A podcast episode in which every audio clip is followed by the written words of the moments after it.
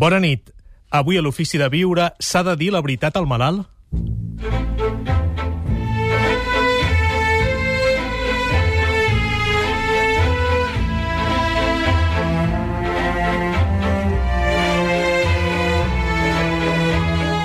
Gaspar Hernández, l'Ofici de Viure.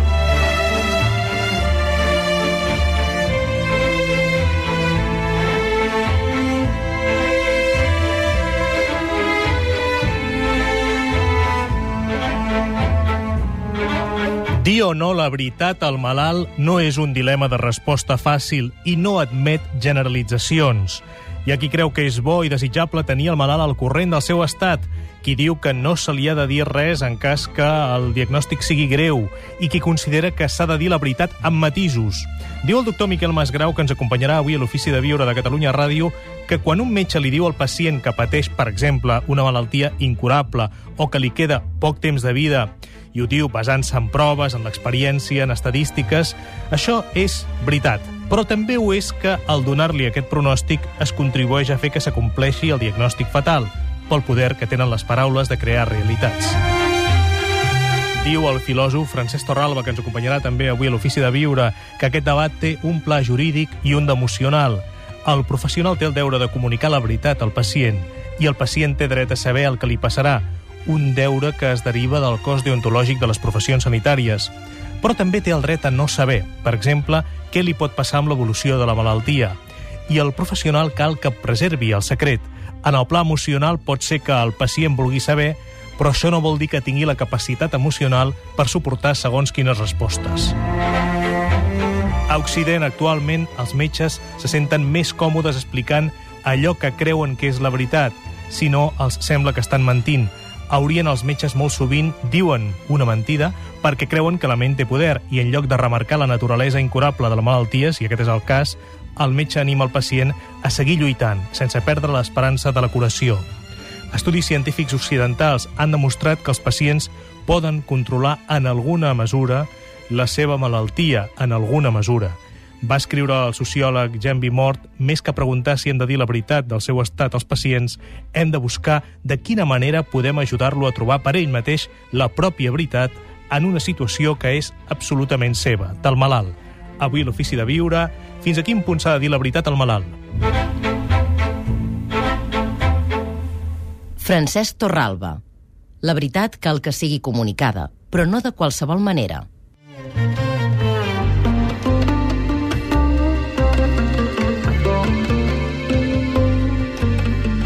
Rogeli Armengol, doctor en Medicina, psiquiatre i membre del Comitè de Bioètica de Catalunya.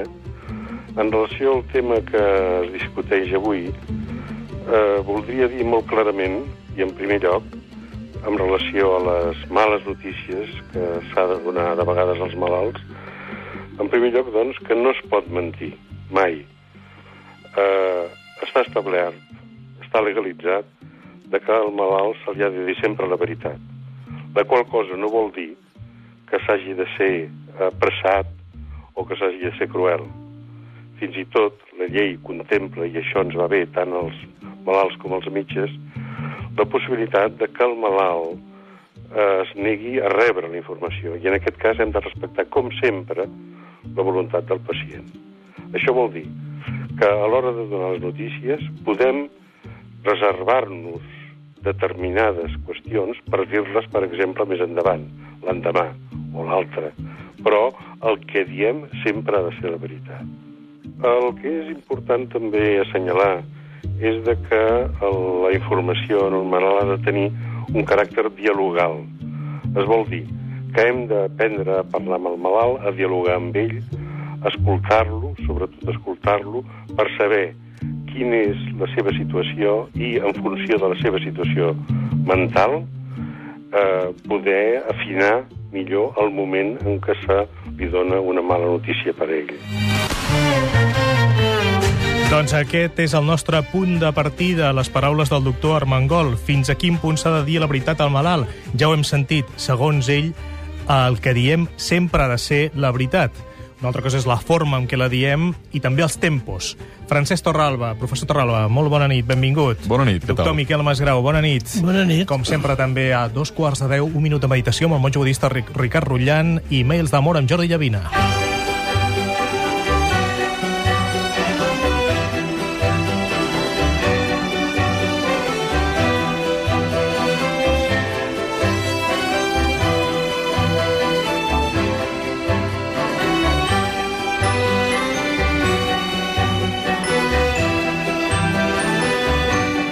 Josep Maria Puiggener, humanista, filòsof i teòleg. La persona humana té una gran capacitat. Una gran capacitat de reacció psicològica i una gran capacitat de reacció espiritual, en el cas de, de la gent que és creient en alguna religió.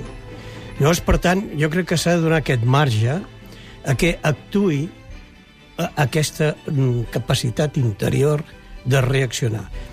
Fins i tot si es tracta de dir i de comunicar que és una malaltia, diríem, mm, en perill, perill de mort. Fins i tot en aquest cas. Jo, jo almenys penso això.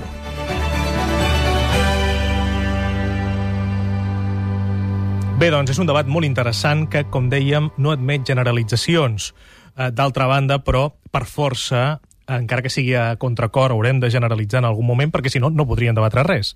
Francesc Torralba, des del punt de vista ètic, s'ha de dir la veritat al malalt? Vaja, jo crec que sí, ja que, que el deure de veracitat, que significa pròpiament el deure, l'exigència de comunicar allò que se sap verdaderament i tal com se sap fins a aquell moment. De fet, en ètica distingim sempre entre la mentira piadosa i un concepte que és menys conegut, que és el concepte de veritat suportable. La mentira piadosa seria mentir una persona per compassió, perquè en el fons imaginem que no podrà pair aquella informació i per tant, com per pietat, com per compassió, li diem una mentida. I això no està acceptat en ètica. Encara que sigui ben intencionat, no està acceptat en ètica. És tractar l'altre com un menor, com un nen petit. En el fons és fins i tot subestimar la capacitat de l'altre de rebre una informació així, digerir-la i afrontar-la. En canvi, el concepte de veritat suportable vol dir hem de dir la veritat a l'altre, però la manera com es diu compta molt. La forma, precisament, com es comunica. I la forma vol dir el lloc, vol dir el temps, vol dir l'escolta d'aquella persona, vol dir el moment adequat i vol dir, per tant, anar dosificant aquesta informació de tal manera que l'altre la pugui digerir. Això que deia també en Rogeri Armengol. Nosaltres, davant d'una informació negativa, es pot produir el que en diem el xoc postinformatiu, que aquella persona quedi completament perplexa o desmanegada, no?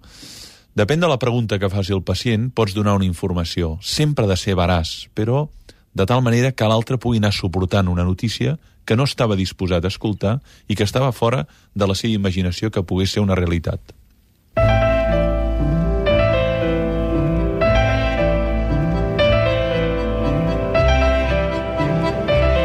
Sogyal Rinpoche. És molt important dir al malalt la veritat el més aviat possible per afrontar amb serenitat el dolor de la pèrdua.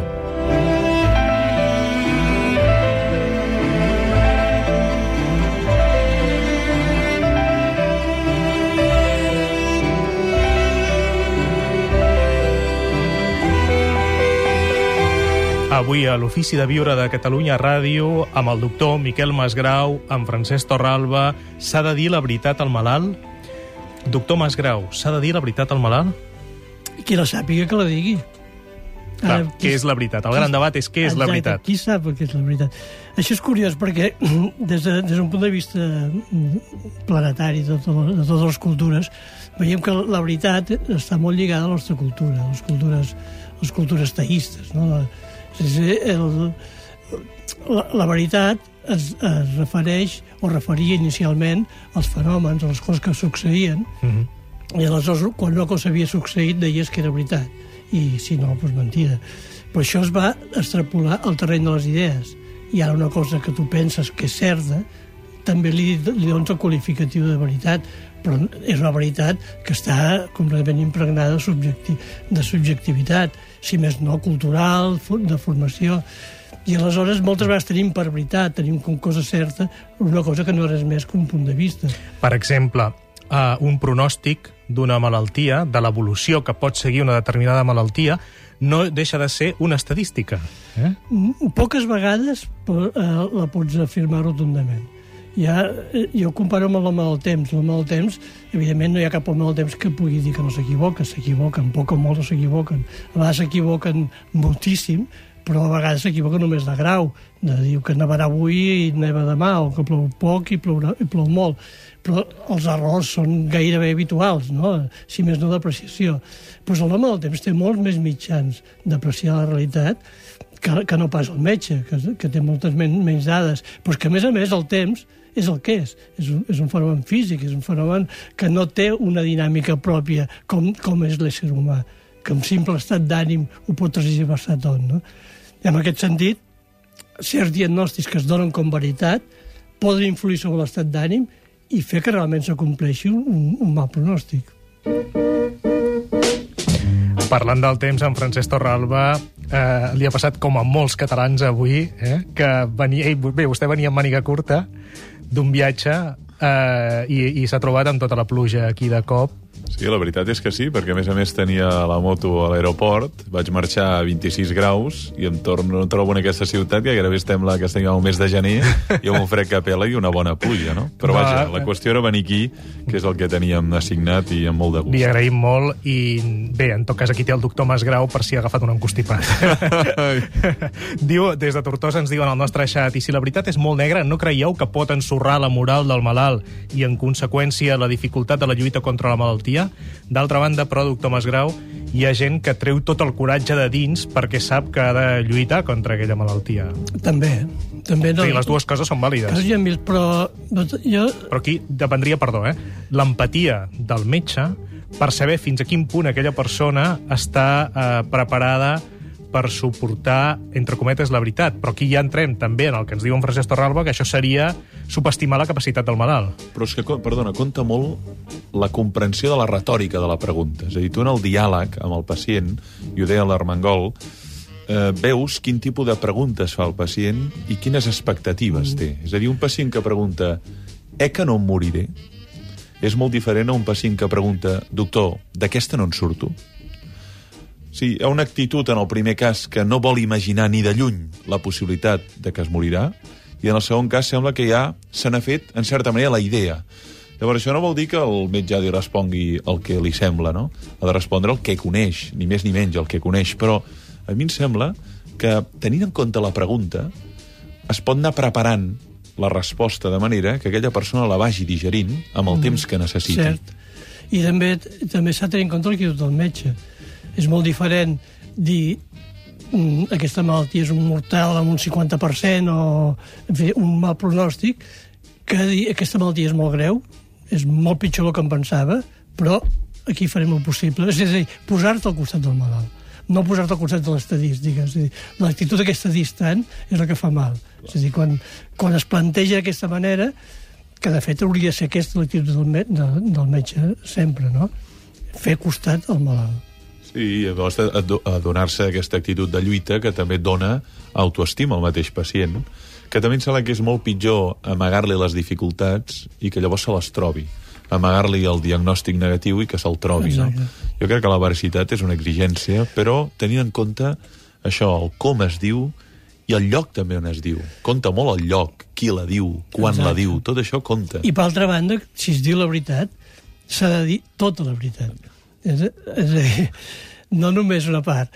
I amb la qual cosa inclou també, per exemple, els efectes secundaris del que pot tenir el tractament, la, saps, tot el, quan, quan la persona ho demana, evidentment, no? quan la persona s'interessa, de tal manera que tingui tots els elements, estadísticament, quina possibilitat hi ha de supervivència, quin, quines són les conseqüències del tractament que farà, perquè amb totes aquestes dades, moltes vegades la persona pot no voler seguir aquest tractament, sobretot si són tractaments molt, molt cruents, no?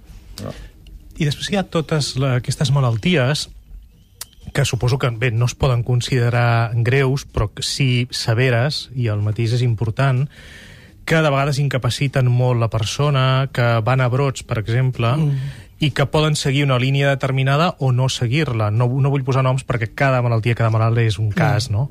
I, però, esclar, sí que estadísticament doncs, tendeixen a seguir una determinada evolució, però hi ha persones, evidentment, que no, eh, i no, no moriran d'aquella malaltia. Però eh, també se'ls pot comunicar tot de moltes maneres. Eh, què cal fer en aquests casos? Bueno, és que això és un, és un problema molt, molt que s'ha fet molt acuciant darrerament. És a dir, quan les noves tecnologies, o sigui, la, la bioquímica, la, la, la, la tecnologia aplicada a la imatge, tot això poden veure l'arrel o els petits brots de la malaltia que, que ha de sorgir, que bé sapigués si es desenvoluparà o no. Però que et, et col·loquen de seguir una etiqueta a vegades de, de malaltia mortal. Això ho vam veure fa 20 anys amb l'hepatitis B, per exemple. Tot d'una moltes persones tenien hepatitis i venien que m'he de morir, que m'he de morir, m'han dit que, que la meva vida serà curtíssima, no? I ara és l'hepatitis C, també diuen, en 30 anys em moriré, quan de fet no és veritat, vull dir, perquè el fetge té una gran capacitat de, de regeneració, no? Però s'injecten a vegades... Eh, com, és com una mena de virus que s'injecta dins de la persona, que se suma al virus, al virus real, i que li dona una expectativa molt negra quan, de fet, no, no té per què tenir-la. I quan la té, pues, no fa res més que empitjorar, perquè són persones que es troben bé. O sigui, avui dia es donen diagnòstics fatals, de, pronòstics molt dolents a persones que es troben perfectament Clar. bé. I, I aquesta és l'altra veritat, que s'oblida. És que la persona, en el moment que li rep aquell diagnòstic, s'oblida que es troba perfectament bé, Clar. de que està super sa. Per això, per això s'ha de respectar també el dret a no estar informat, com passa amb una mare gestant que no vol saber Eh, la condició sexuada del nen que naixerà fins, posem per cas, al moment que neixi. Se li ha de respectar aquesta decisió. Com amb una persona que li fan un test genètic, se suposa que hi ha un gen que té un tipus de Una patologia que pot emmalaltir amb 5 anys i indisposar-lo per fer la seva feina, doncs jo crec que la persona té dret, naturalment, a no estar informat si ho desitja. Això vol dir que el professional ha de mirar de respectar aquest dret, perquè si no cau en allò que s'anomena l'aferrissament informatiu. M'has informat de quelcom que jo no volia saber. Clar, per curar-se amb salut, bé, vull dir que gràcies a les noves tecnologies podem saber moltes coses, però sí que és veritat que hi ha molts professionals que per curar-se amb salut diuen un excés d'informació que provoca desinformació. Però a més la diuen com cosa certa, perquè a més si ho digués el personal per ell mateix, mm, la gent no s'ho prendria, s'ho prendria relativament, no s'ho acabaria a creure, però que ho diu mirant això, una analítica genètica o un, un aparell de reis llavors la persona s'ho creu, perquè les màquines sí que se les creuen. I sempre es parla de probabilitats.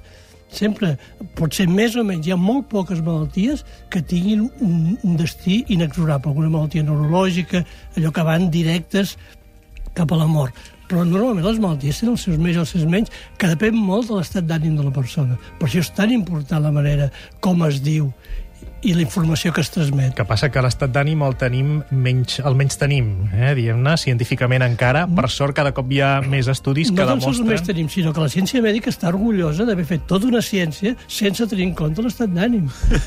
Sí, sí, és així, és així.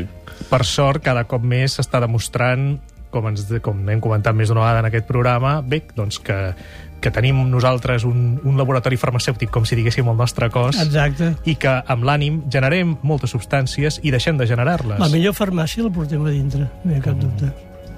A l'Ofici de Viure avui, fins a quin punt s'ha de dir la veritat al malalt? N'estem parlant amb el doctor Masgrau i Francesc Torralba.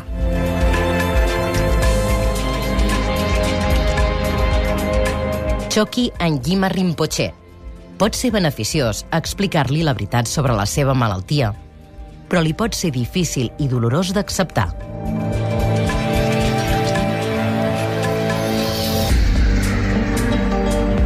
En Francesc Torralba també volia parlar del mur del silen de silenci que es genera al voltant del malalt. Sí, aquesta és una expressió que les persones que estan en unitats de cures pal·liatives o unitats de vigilància intensiva molts cops subratllen, no? que de vegades el malalt vol saber com es troba, vol saber quines expectatives, quin pronòstic té, però la mateixa família construeix un mur al voltant seu, de tal manera que impossibiliten al mateix metge o infermera o poder comunicar aquesta informació que ha d'anar directa al destinatari, que és el malalt, suposant que no ho pairà, suposant que no ho digerir, per tant, amb bona intenció, sempre s'ha de partir d'aquesta idea, no? Però el cas és que estan vulnerant un dret que té el pacient, en aquest cas, de saber aquesta informació i que la família actua aquí d'una manera amurallada, no deixant passar aquesta permeabilitat I moltes vegades és la família que, que es, tras, es trasbalsa molt més que el mateix malalt i, i està donant molt, de, molt mala vida al, al malalt, no? De, perquè no ho paeixen. O sigui, Exacte, a vegades, ho porta sí. molt millor la persona que, el, el diagnòstic que no pas el seu entorn. A vegades és la mateixa incapacitat de la família per eh, admetre doncs, que aquesta situació, de vegades irreversible, i per acarar-la, no? i per tenir aquella conversa darrere o aquelles últimes converses doncs, amb aquella persona en situació terminal, que pot ser un pare, pot ser un germà, pot ser un espòs, i per tant no hi ha dubte, a vegades és també com a mecanisme de defensa de la pròpia família o de l'entorn afectiu. Mm. Uh, sobre això, soy el Rinpoché, el llibre tibetà de la vida i de la mort.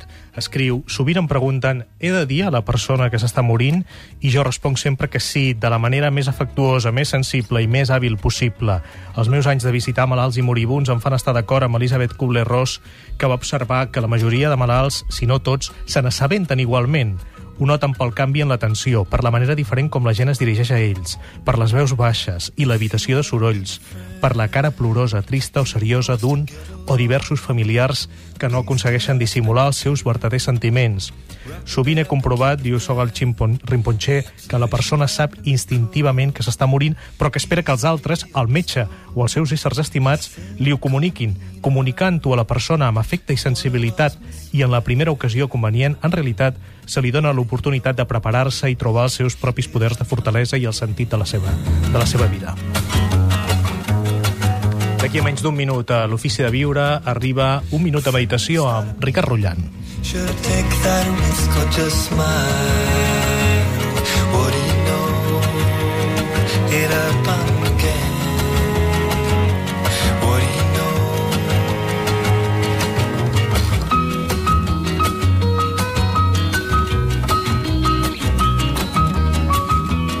know? Gaspar Hernández. L'ofici de viure. Un programa sobre conducta humana.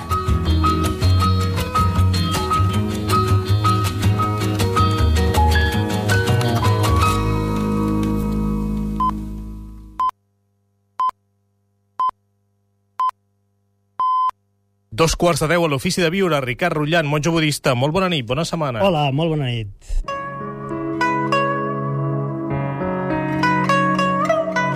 Ricard, doncs quan vulgui, endavant amb el minut de meditació. Moltíssimes gràcies, ens quedem còmodes, deixant el nostre cos tranquil. Si pot ser, amb una esquena ben adreçada, que estigui recta, en aquest cas. També motivant-nos. La motivació i la intenció és el que realment ens fa fer les coses ben fetes, en el sentit de que li dona una força. La força, doncs, de la intenció. La intenció és aquesta, voler beneficiar tots els éssers amb la nostra acció de meditar. Ara és el moment que podem estar tranquil·lament observant molt atentament, amb atenció plena, la nostra respiració. L'entrada de l'aire pel nas i també com surt, deixant aquí la ment i entrant així en un estat de tranquil·litat interior, la ment quieta, tranquil·la. Llavors pensem que això d'estar tranquil no només ha de ser en el moment de meditar, sinó sempre amb la nostra vida.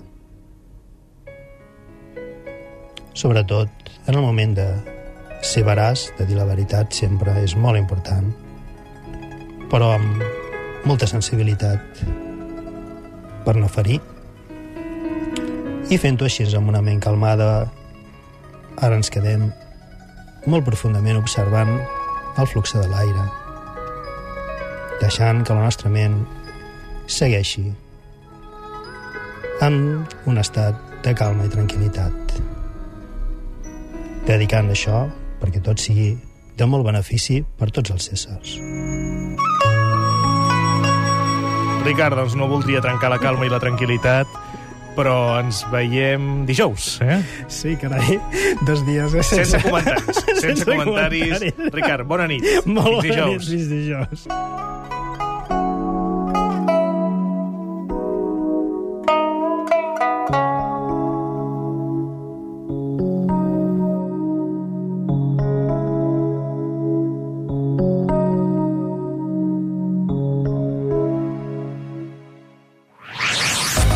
Ara mateix, pots entrar a l'espai interactiu de Catalunya Ràdio catradio.cat barra en directe. En directe. per expressar-te, per donar la teva opinió o ampliar informació sobre els temes que estem tractant a l'Ofici de Viure, Connecta't a catradio.cat barra en directe. En directe. la ràdio amb valor afegit.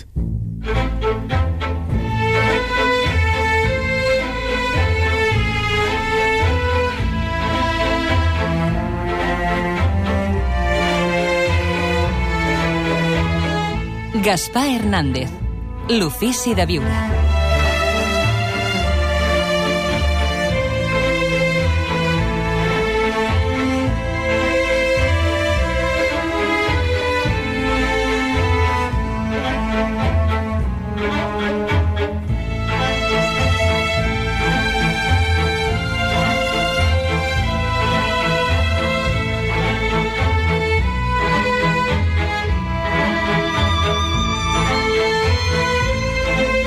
Avui a l'Ofici de Viure s'ha de dir la veritat al malalt. De moment ja hem dit moltes coses. En Francesc Torralba ha escrit que el professional ha de complir amb el seu deure, però ho ha de fer de tal manera que no posi en crisi el fons emocional del malalt. Haurà d'aprendre's, com ens ha explicat en aquest programa, el temps necessari per comunicar bé. Li caldrà fer-ho en un lloc adequat i després de comunicar la informació haurà de garantir que s'ha comprès i haurà d'acompanyar psicològicament el seu destinatari en el procés d'assumpció emocional. El problema és que, bé, que els nostres metges, malauradament, tenen poc temps.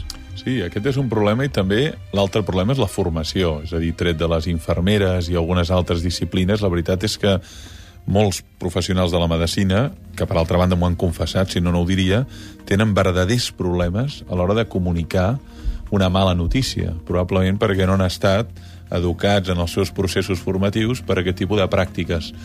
I, per tant, si això un hi suma aquesta carència formativa més molta pressió assistencial, de tal manera que portes aquell metge a una velocitat molt notable durant el dia, fa que aquests processos quedin de vegades molt desvirtuats. Tret d'unitats on ja hi ha molta cura en el procés comunicatiu, com per exemple les unitats de cures pal·liatives, que a casa nostra, amb això s'ha de dir que són exemplars i vam ser pioners en el conjunt de- d'Espanya de, en aquest punt. No? La Griselda diu al nostre xat, diu, és difícil, però s'hauria de saber si al malalt li anirà bé o malament saber aquesta veritat. Si li haguessin dit al meu pare la veritat, hagués patit molt més. I ella diu, per tant, que no és veritat, segons ella, que sempre s'hagi de dir la realitat, eh, la veritat, eh? que no sempre s'ha de dir. Bé, doncs estem introduint molts matisos en aquest debat, eh, l'Ofici de Viure de Catalunya Ràdio. I què passa amb els nens? Fins a quin punt se'ls pot dir, no se'ls pot dir?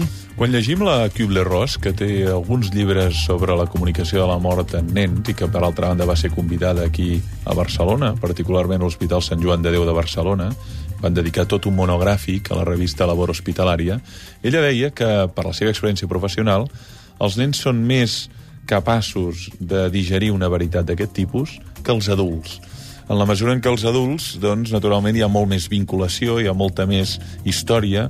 És com desenganxar un arbre que ja té unes arrels molt, molt profundes respecte a un arbre que començava a arrelar. I que el problema no era comunicar als nens, sinó als seus familiars, el qual jo ho entenc, però profundíssimament, no? Que, per tant, aquí el procés d'acompanyament, sobretot, era acompanyar emocionalment pare i mare, germans, en un procés d'una malaltia terminal d'un nen, d'un adolescent, com, per altra banda, hi ha situacions així a casa nostra. Algun comentari, doctor Masgrau? No, no, em sembla molt bé el que has dit. Diu Soy el Rimponcher, crec que és essencial dir la veritat al moribund. Com, es, si no, es pot preparar per la mort? Com podrà concloure les relacions de la seva vida? Com podrà resoldre els assumptes pràctics o ajudar els que es queden per seguir vivint sense ell? I aquí és molt important, eh, com diu en Francesc Torralba al seu llibre Plantar cara a la mort, eh, ser molt conscients que bé, que un dia o altre ens arribarà i que eh, podem preparar-nos abans, si, sempre i quan ho sapiguem, clar. Clar, però és que de fet ho sabem ara ja, no? És a dir, que ens hem de morir ho sabem tots, només que tinguem una mica de lucidesa i observem què ens passa al voltant, què passa als arbres, què passa a les persones que ens envolten. Per tant, diguem-ne que no és una novetat. Uh, la incertesa està en el quan, la incertesa està en el com, la incertesa està en l'on. És a dir, hi ha unes variables que donen incertesa, però la certesa és que ens hem de morir. Ara, per això jo crec que és tan important que quan aquest quan és curt, o presumiblement curt, que la persona tingui dret a saber-ho per tots aquests preparatius que probablement haurà de fer. A vegades hi han ferides que s'han de tancar, a vegades hi han paraules que s'han de dir, de vegades hi han gestos, rituals de comiat que hem de dir, paraules a persones estimades. Jo crec que això és bàsic una persona pugui articular-ho si realment vol. En certa manera serien tots aquests rituals del morir que formaven allò que els llatins en deien l'ars moriendi, no? l'art de saber morir. Ells distingien l'art de saber estimar i l'art de saber morir. Doncs l'ars moriendi incluïa tot aquest tipus de pràctiques, de rituals, de comiats, de tal manera que en anar-se'n d'aquest món te n'anaves amb la consciència d'haver dit el que havies de dir i d'haver reconciliat aquelles ferides amb qui tenies assumptes pendents. I aquí suposo, doctor Masgrau, que es troba amb moltes diferències pel que fa, depenent del nivell de consciència del pacient. No? A l'hora de comunicar-li coses, de males notícies, no cal parlar de la mort, no? però a l'hora de comunicar-li un diagnòstic eh, delicat, eh, suposo que el nivell de consciència de la persona i, i el, el treball personal que hagi fet aquesta persona en la seva vida eh, s'hi nota. Clar, eh, tant és així que fa, fa difícil de parlar ara, de generalitzar, perquè de fet a la pràctica cada cas és diferent i una mica el, el, en, sobretot en cas de malaltia i en cas de malaltia greu, el malalt evidentment és el protagonista, llavors tothom l'entorn hauria d'estar, tant els metges professionals com la família, la, els amics, haurien d'estar en funció d'ell i, i fer la seva voluntat. És a dir, perquè la, parlant de veritats, hi ha una veritat que no es té gens en compte, que és la veritat del propi malalt. De la mateixa manera que el malalt, diguem, que té una farmàcia dintre seu, també ell sap què és el que li convé i que no li convé. I normalment quan algú està en situacions crítiques o, o té una, un pendent, un, un pronòstic, un pronòstic greu, se'l se posa, amb, amb, se'l sotmet a moltes pressions. Fes això, fes allò, fes no sé quantos, eh, no facis això, eh, eh, saps? I llavors la persona se t'avala encara més. El que necessita, sobretot, la persona que en una situació crítica és serenitat. Llavors l'entorn ha, ha d'estar allà l'entorn professional i també el familiar està allà per ajudar-lo. O sigui, què vols fer? i acompanyar-lo en aquest procés. No cal que sigui una cosa terminal, eh? sinó que en qualsevol- en qualsevol moment de la seva vida crític l'entorn el que ha de fer és ajudar i no destirotar i, i in, inquietar, diguem, la, el, la persona.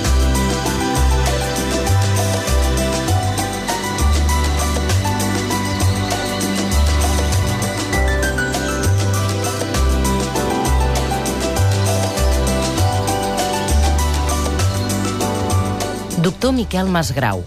En dictaminar l'expert uns mals auguris pot influir negativament en l'evolució de la malaltia. Bé, parlem doncs dels entorns perquè els entorns ningú els ha ensenyat a ser entorns. De cop i volta es troben en una situació i tothom la gestiona el millor que pot i sap. Però ja tenim el dret com a malalts de no dir-ho al nostre entorn, Miquel Masgrau? Clar, I a vegades és molt convenient. És a dir, hi ha certes, és a dir l'expectativa que es crea a l'entorn d'una d'una malaltia greu no ajuda gens. Això ho recordo quan, ja, quan estudiava, vaig llegir un, un que ho explicava de, de l'Amazonia, que, que deia que quan el bruixot deia que algú s'havia de morir, perquè havia transgredit un tabú, el que sigui, aquella persona es moria. No calia que l'emmetzinés, que ell ho podia fer també, sinó que l'ambient que es creava, o sigui, la, la visualització que feien tots de que aquella persona s'havia de morir i, i la mateixa persona es moria. És que compta molt l'entorn. O sigui, la persona sempre és una xarxa de relacions. Llavors, depèn de quin entorn afectiu té. Pot ser un entorn que ajudi, eh, potenciï, edifiqui, doni suport, però pot ser un entorn que fins i tot culpabilitza. Eh? Com pots estar malalt, no? O un entorn que, eh, diguem-ne, no dona els elements bàsics per poder promocionar i per poder potenciar aquell estat de salut. Jo crec que el malalt té dret a estar informat i té dret a escollir els seus confidents. A qui vull revelar això? A qui ho vull dir de tot el meu entorn? Potser li, li vull revelar a la meva dona, potser no ho vull revelar a aquella altra persona perquè em farà la vida impossible i el, el temps que tinc, per què l'he de viure amb aquest contacte i amb aquesta hostilitat? Per tant, jo crec que el, el, el dret a escollir el confident a l'hora de revelar una comunicació d'aquest tipus és bàsica, només faltaria. I sobretot que la visualització, que que hem dit tantes vegades, la visió que tu tens de la malaltia crea realitat també. No, llavors, això l'home primitiu tenia molt clar. Un dia en Perill que us ho explicava aquí. No? Que, el, que si, si el que realment veus, o sigui, el destí no està marcat en, en les societats primitives, sinó que se'l crea un mateix. I llavors depèn del que tu veus. I, en certa manera, nosaltres, bé, de fet, això és el que esteu parlant sempre en aquest programa, no? De- d'intentar canviar aquesta, aquesta visió.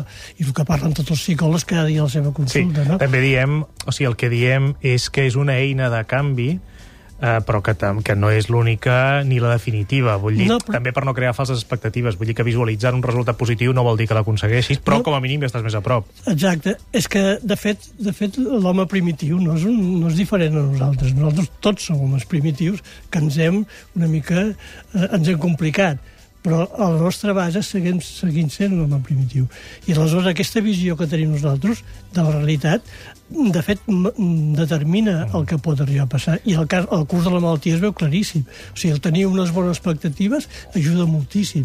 I no estic parlant de les esperances, de les falses esperances, no, no estic parlant realment de la- de l'acceptació, de, de la confiança, de l'acceptació de la vida, no? Mm -hmm. Normalment, com tu t'entregues a la vida, que, que no tens temor, o sigui, la falta de por, és, és el que pot ajudar a que, a que te'n Sí, surtis bé. és, en aquest sentit és bona la falta de por també en aquest aspecte. Oh, clar, és que la por és, és el que realment t'ensonsa. És com quan aprens a nedar, no? Si tens por, t'ensorres. O quan vas en bicicleta, quan tens por, caus. I, i el, el secret d'anar en bicicleta, el secret de nedar, no és altre que perdre la por. Per això- El secret de viure és el mateix. Sí, per això en ètica es distingeixen aquests tres elements, no? el pusil·lànim, que seria el covard, i per tant queda atrapat per la por, el temerari, que tira molt pel dret, i diem que el terme mig, doncs això, és l'audàcia, no? És, en certa manera, la persona que és capaç de fer accions, confiar en els seus propis recursos, però sense ser algú que es llença directament al precipici, això seria un temerari, o aquell que aviat queda, senzillament, paralitzat per una por que en certa manera el porta a subvalorar-se, a considerar molt poc els seus recursos, a infravalorar els seus talents, les seves capacitats. L'altre dia el seu col·lega, Francesc Torralba, el seu col·lega Norbert Bilbeny, deia a l'ofici de viure en aquest estudi que el millor que li pots eh, passar als teus fills és la confiança, la confiança que se'n sortiran. Eh?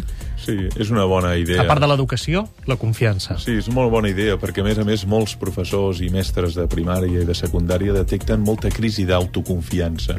Nois i noies que parteixen d'unes expectatives que no se'n sortiran, que tot és molt difícil, que no tenen prou recursos i prou capacitats. I em sembla que sí, que el que hem de veure és que confiem en els seus recursos, que ens tenen al costat incondicionalment i que amb aquesta confiança poden aconseguir grans coses.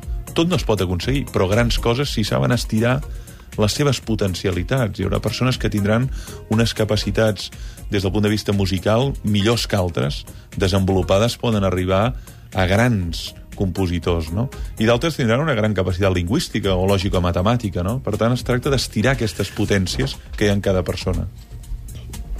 A la recta final d'aquesta conversa amb el doctor Masgrau i Francesc Torralba, també doctor Torralba, eh, tot i que no és metge, arriba en Jordi Llavina. Què tal, doctor Llavina? Ah, Com anava, estem? anava a dir, jo no vull ser menys. no, no, no és ben bé doctor, però Com és estem? eh, també un especialista en mals d'amor, en mails d'amor. Sí. Avui quin mail ens Si portes? pogués resoldre els meus. Una relació acabada, un sentiment que neix. I qui ens l'envia? Ens l'envia una noia que mm, es diu Maria mm, i que porta 7 anys de matrimoni, hi ha hagut un, un problema i simplement ha de saber dir que no. L'escoltarem. Uh, doctor Masgrau, per acabar, m'agradaria enfasitzar una, un aspecte que no és nou, que vostè ha comentat d'altres vegades en aquest programa, però que té molt a veure amb l'anunciat d'avui. Fins a quin punt eh, se li ha de dir la veritat al malalt. Ja hem conclòs d'entrada que sí. Eh? Una altra cosa és el tempo, la forma, etc. Però eh, eh, vos- vostè insisteix sempre en que el que no hem de molestar és el procés natural del cos. Val? O sigui que moltes vegades, amb por, com comentava abans, amb estrès, amb, amb, el que fem és obstaculitzar el que seria el procés natural d'autocuració del cos. Clar. Real, Sí, sí. Realment el cos té tendència a l'autocuració? És que, exacte, exacte. Llavors això, de fet, la medicina el que hauria de fer és ajudar en aquest procés, no? Res més que això, assistir en aquest procés. De la manera que la, que la, la persona sap el que realment li passa, això també és una situació nova avui dia. Mai havia passat que, la nen, que les persones anessin al metge a preguntar què em passa. Clar, però no sabem escoltar-nos, eh? Clar, no sabem escoltar-nos. I, I el metge, és a dir, la persona sap molt més del que li passa que no pas el metge o qualsevol professional. El metge sap algunes coses, té algunes, algunes eines, però ell sap realment el que passa. És a dir, el, una mica la medicalització que hi ha hagut de la societat ha, ha tret el poder de les persones sobre elles mateixes, sobre la seva salut, se'ls ha desplaçat. Ara són els altres que saben el que, el que realment és bo, que és dolent, i volen menjar, han d'anar al dietista, volen eh, curar-se, han d'anar al, al practicant, al metge, no sé què. Ens estem convertint en uns invàlids. Bé, per tant... Si, si van al dietista, potser més aviat no menjaran gaire, no? No, o, o sí, sí, perquè diuen que s'han de fer els cinc àpats eh, cada dia, que és una manera de primar-se. Bé, recordo que en no, aquest no. programa amb el doctor Masgrau vam parlar també del dejú, eh? un Exacte. programa cridaner, amb un títol cridaner i també amb moltes trucades, eh? a favor i en contra. Bé, moltíssimes gràcies, doctor Miquel Masgrau, Francesc Torralba. Molt Fins bé, ben aviat. Bona nit. D'aquí uns instants, mails d'amor amb Jordi Llavina. Feu podcasting amb l'ofici de viure. Si voleu escoltar qualsevol programa endarrerit o de la temporada passada, podeu anar a catradio.cat. Cliqueu damunt programes a Z i seleccioneu els programes que més us interessin. Avui, a l'Ofici de Viure, mirarem d'aprendre... A internet ara mateix teniu més de 400 programes de l'Ofici de Viure a la vostra disposició. L'Ofici de Viure, amb Gaspar Hernández. Eines pel benestar emocional. Només queden tres jornades pel final i la Lliga encara és viva. Frenèticament viva. Ja ni t'explico el que serà el pròxim dimarts contra el Tenerife que ve fort i nosaltres no sé ni com arribarem perquè l'equip no està cansat però recuperacions cada vegada costa més però entre tots hem de fer-ho i, i ho intentarem Demà, a les 8 del vespre al Camp Nou, Barça-Tenerife. Una hora abans a la transmissió d'en Puyol. Xavi amb el peu dret. Caldrà aconseguir els 9 punts en joc si es vol guanyar el títol. Yo creo que sí, ¿no? Porque eh, Madrid está jugando muy bien también, están fallando poco y tenemos que tener en mente que hay que conseguir esos nueve puntos como sea. Aquest dimarts, escolteu el Barça-Tenerife amb la veu d'en Puyol des de les 7, fent costat a un equip admirable. brutal, si tinc 90 punts a aquestes alçades és admirable jo admiro els meus jugadors, els admiro molt La transmissió d'en Puyal, de Futbol a Catalunya Ràdio, és una exclusiva de Caixa d'Estalvis i Pensions de Barcelona. La Caixa dona suport a l'esport. L'altre dia vaig veure un documental on deien que el pont de San Francisco fa gairebé 3 quilòmetres. No pot ser tan llarg. Tindrà dubtes? Déu-n'hi-do, quin pont! Tenia raó. Amb Vila KXA, el programa jove de la Caixa, tot és possible. Des de viatjar a preus increïbles fins a aconseguir descomptes i obtenir molts més avantatges. Si tens entre 14 i 25 anys, fes-te a LKXA. Informa't en qualsevol oficina de la Caixa o a lkxa.com. Aniràs més al teatre. Aniràs a més concerts. Aniràs més al cinema. Llegiràs més. Escoltaràs més música. Sortiràs més. Més informat, amb descomptes i ofertes exclusives. Fes-te soci del 3C trucant al 902 33 90 33 o entra al web 3c.cat. 3C, el Club de Cultura. Amb el suport de Catalunya Ràdio, TV3 i El Periódico. Aquest dilluns, a Ànima, conversem amb Rosa Novell i Eduardo Mendoza sobre l'obra La dona justa. Mostrem el procés de creació del nou espectacle de la Fora dels Baus, Degustación de Titus Andronicus, i ens avancem al Saló del Còmic de Barcelona. Ànima, dilluns, a un quart de dotze de la nit, al 33. No t'ho perdis. Les propostes de Catalunya Ràdio. Duet per una sola veu. L'obra que ha commogut Londres arriba a Barcelona. Dirigida per Magda Puyo, amb Àngels Bassas i Mingo Ràfols. A partir del 18 d'abril, al Teatre Romea. No t'ho perdis. Entrades al Talentrada, Ticket Rambles, taquilles del Romea i Promentrada Grups. Recomanat per Catalunya Ràdio. Catalunya Ràdio. No t'ho perdis. A la nit dels ignorants. Dubtes, respostes, curiositats... Jo sóc víctima una miqueta dels, dels mosquits tigres. Tinc una botiga i volia saber aviam, aviam si algú pot dir eh, quina és més o menys a la setmana o, o el mes o que, que els mosquits tigre comencen ja la temporada en sèrio. La nit dels ignorants. Cada nit de dos quarts de dues a 4 de la matinada. Amb Mireia Mallol. Temps per preguntar-nos per la vida i temps per donar vida al preguntar. No t'ho perdis. No t'ho perdis. Catalunya Ràdio.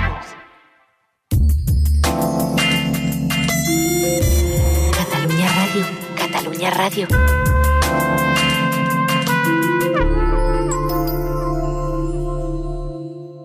Gaspar Hernández. L'ofici de viure.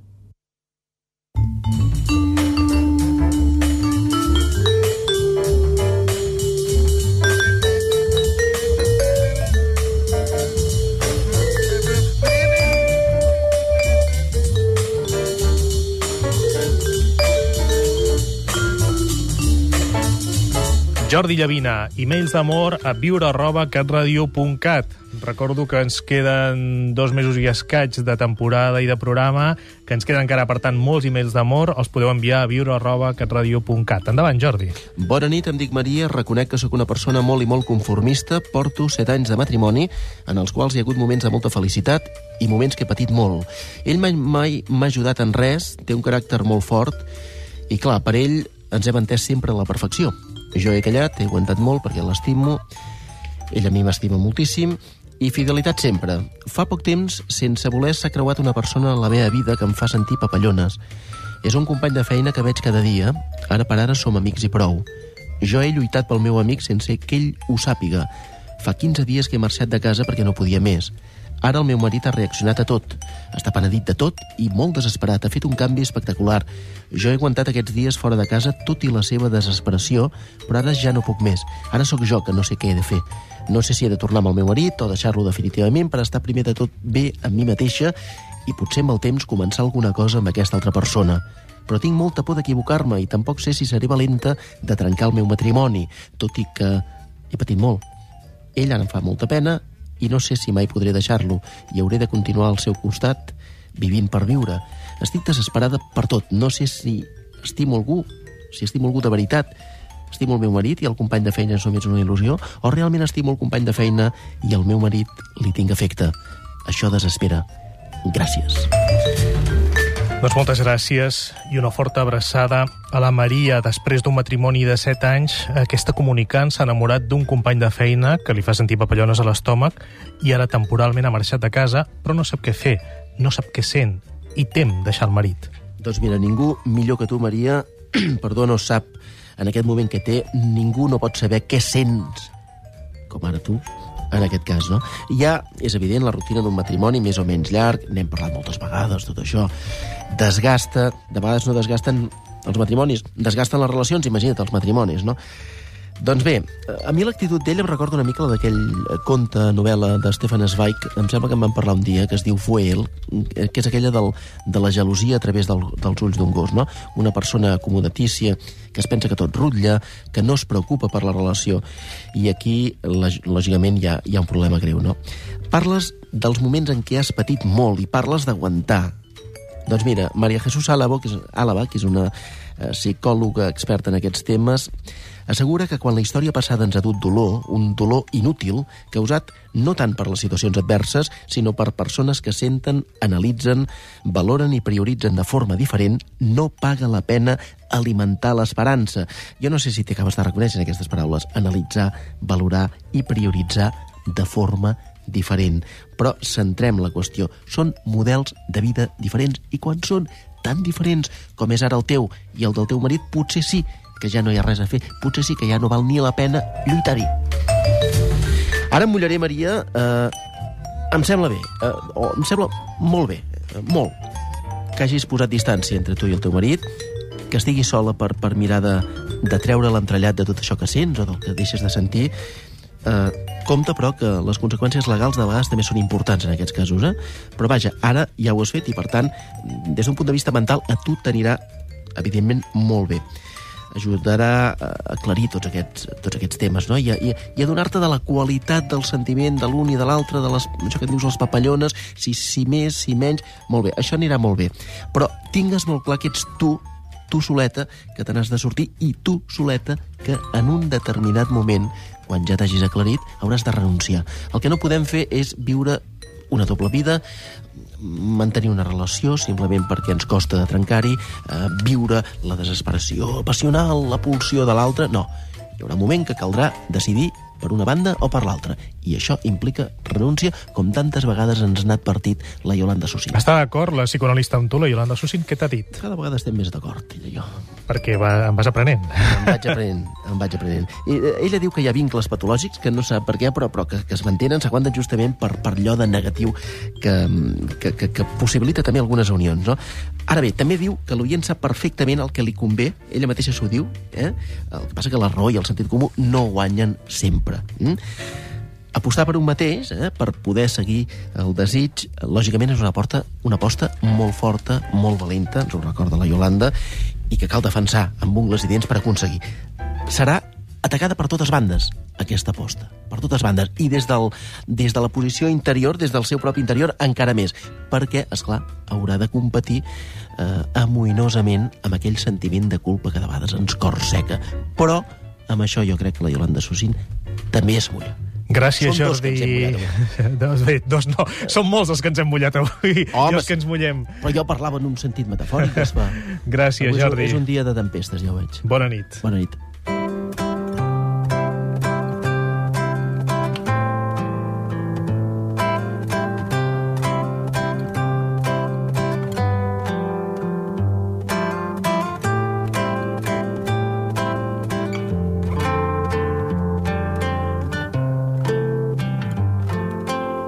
El camí cap a la felicitat aquesta setmana segons Nelson Mandela.